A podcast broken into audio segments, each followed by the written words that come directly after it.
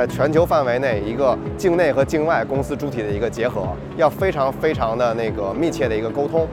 那么，其实我觉得这也是我们元金的一个优势，因为我们在全球有十几个地方全部都是有办公室。然后这次大会呢，我们也是香港母公司作为主办，我们北京的分部啊，我们北京的这个子公司来进行支持。然后主要有两个目标，呃，第一个呢，首先我们希望把海外已经兴起的一个非常全新的健康理念，就是基于基因检测的健康管理这个理念能带到中国来。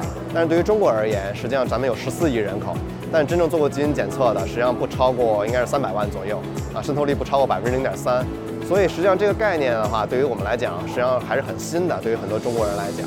但是我们可以看到，通过基因检测进行提早健康管理，实际上是能避免更多的医疗开支的，对吧？我们过分的注重一些体检的东西啊，体检我们只能看到已经发生的疾病啊，我来治病。但是基因检测能够告诉我们可能会发生的疾病，进行提前预防，所谓上医治未病嘛。所以这个理念还是很超前，但是又非常有益的一个一个事情。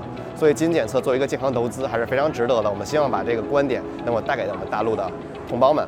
然后第二方面，我们在这次也是希望能够强强联合。啊，为什么叫强强联合呢？是因为基因检测实际上只是一个开始。啊，当一个人拿到基因检测报告的时候，他才是服务的开始，并不是终止。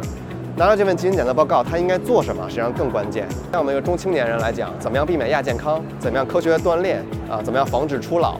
等等。其实一个基因检测就能告诉我们一个很全面的一个答案。啊，所以我们希望是能联合这样能有健康管理能力的这样一些公司，通过基因检测把这个健康管理一生一次的基因检测，提供一个健康管理给他们。特别也是感谢你们有这样一个平台。其实我回答第一个问题的时候也提到了，因为我个人而言，我是参加过很多很多的展会了。